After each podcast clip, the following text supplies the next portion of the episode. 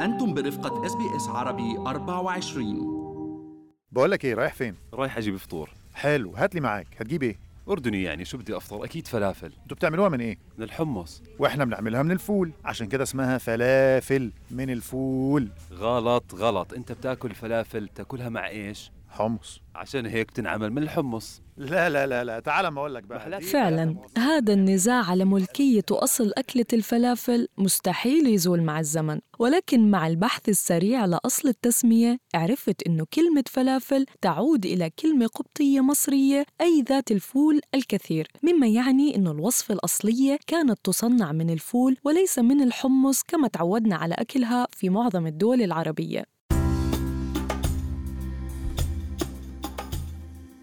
مرحبا.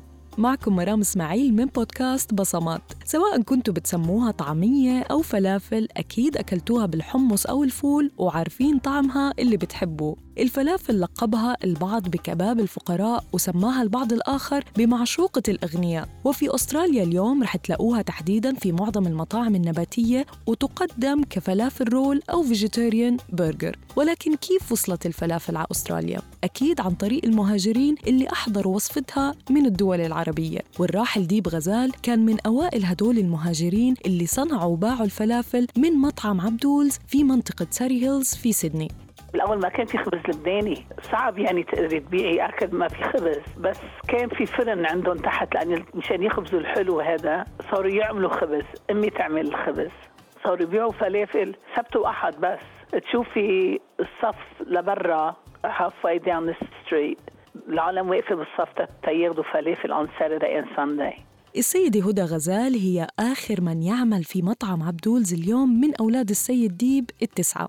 هلا نحن أنا وإخواتي نساعد الماما بعد ال بعد ال من عشية نساعدهم شوي لأنه كنا ساكنين ورا المحل. ونانسي هي حفيدة السيد ديب من ابنه محمد وبتشتغل مع أخوها عمر في المطعم أيضا اللي بعده فاتح أبوابه لليوم منذ أكثر من خمسين عام. جدي كان ما في أطيب من قلبه بس كان كتير كتير عصبي. فلما مثلا يجوا ال- يعني حدا ويطلب شغلة. مثلا آه ما هيك وبدي هيك وما بعرف شو. كان دغري يعصب فيطرطر هيك بالعربي إنه قدام ستي وستي يعني تروقوا يعني ما في أحسن من لسانها وما في أطيب منها ويعني يسألوا الزبونات oh what's wrong إنه what's wrong with جده؟ ان نعم. عماتي لك اليان كانوا يطقطقوا شوي بهالوقت بالإنجليزي.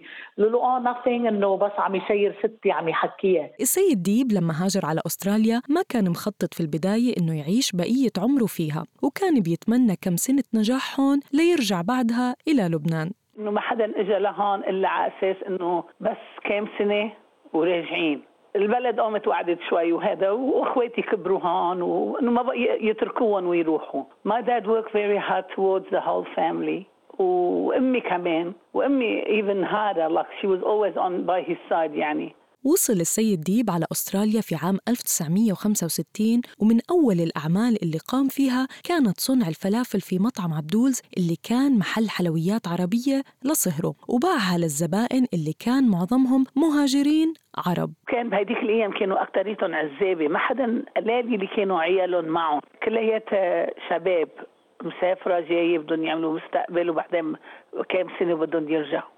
أكيد ساندويتش الفلافل ما بيكمل إلا لما يكون معمول برغيف خبز عربي ولأنه ما كان في خبز عربي بهداك الوقت كانت زوجته الراحلة نظام المعروفة باسم أم العبد بتعمل الخبز العربي الطازج ليبيعوا سندويشات الفلافل في أبها حلة. كان ستي الله يرحمها تعجن عجينة وترق وتحطها على الصاج وتعملهم خبز لبناني. للفلافل يعملوا مثلا إنه فينا نحط هاي بدل الكمون أو هاي بدل يعني هالشغلة. يعني يعملوا مثل substitution تي يعملوا الفلافل مشان ما كان في كل ال ingredients available سكان منطقة ساري هيلز الأستراليين في سيدني رحبوا بالفلافل كما لم يرحب عاشق بمعشوقته من قبل. فيكوا تقولوا حب من أول نظرة. وبدأوا بتوجيه أسئلتهم الفضولية لمعرفة المكونات وأصل الوصفة وقصة حياة الرجل اللي عرفهم على هذا الطبق العظيم وساهم في إدخال الفلافل النباتية على قائمة الطعام في مدينة سيدني. بدهم يعرفوا كل شيء. ويقول لهم جدي انه إنه أنا ما كان عندي أولادي. إنه بدي ضحي كرمال أولادي وعائلتي تجيبهم لهون لأنه قولوا لأنه كانوا يسمعوا يعني من الغريب إنه أستراليا فيها مستقبل. كان يقلنا الفلافه إنه أكل الفقراء إنه everyone يعني لو غني أو فقير الواحد فياكل فلافه بس تعذبوا كثير تا يقولوا لهم للناس مثلا شكله الفلافل يعني عندنا الحمص حب كيف بدك تشرحي له إنه شكله الحمص حب أو هيك شيء. عرفتي؟ إنه كان صعب عليهم. بس they managed and yeah it فلافل really يعني took off. وفي عام 1968 قرر صهر السيد ديب يترك المحل. والسيد ديب وزوجته أم العبد قرروا ياخذوا المطعم ويقدموا الفلافل كل يوم بسبب الشعبية اللي حظيت فيها في المنطقة. بس truly بيي ما كان بده. آه إنه لا نحن ما, ما بيحكوا إنجليزي ولا كلمة.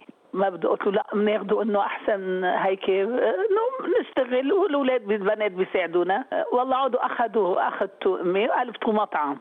وفي حلو يعني اللي في حلو صهري يعمل حلو يودي لهم وفي أوائل السبعينات زاد الطلب على أطباق المطعم العربية اللي كانت أم العبد تطبخها أيام الأحد ولهيك قرروا يقدموا أطباق جديدة على قائمة الطعام اليومية.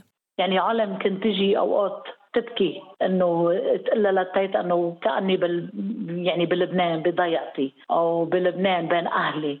هيك نحن ربينا الزبونات العرب المهاجرين إنه اللي جايين إنه على بلد غريبة وما عندهم حدا.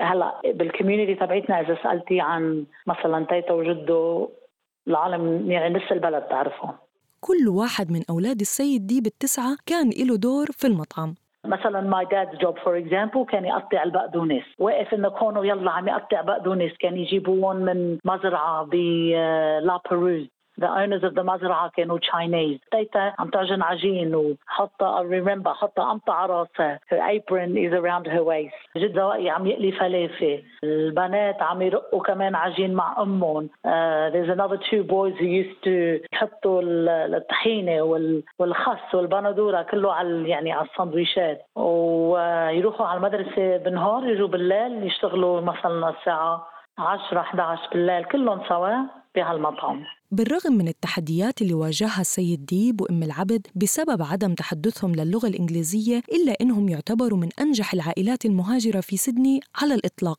تحديداً في هذا المجال.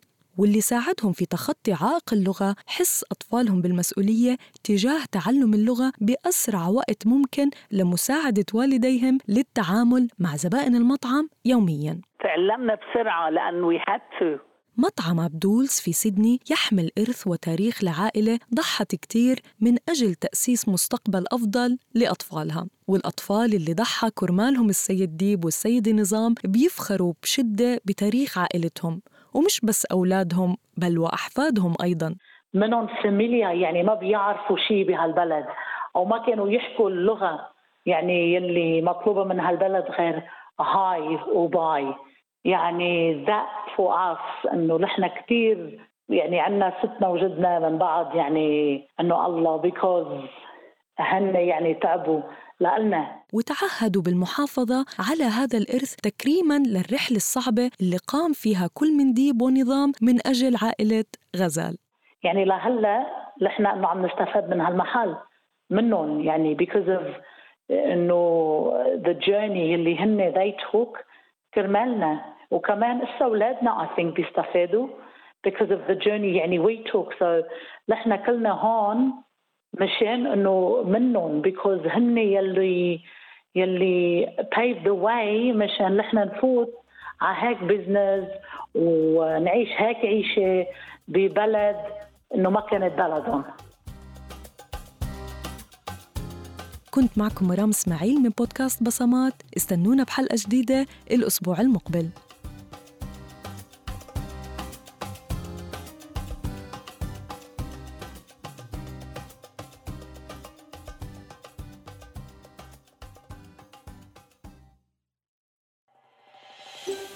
هل تريدون الاستماع إلى المزيد من هذه القصص؟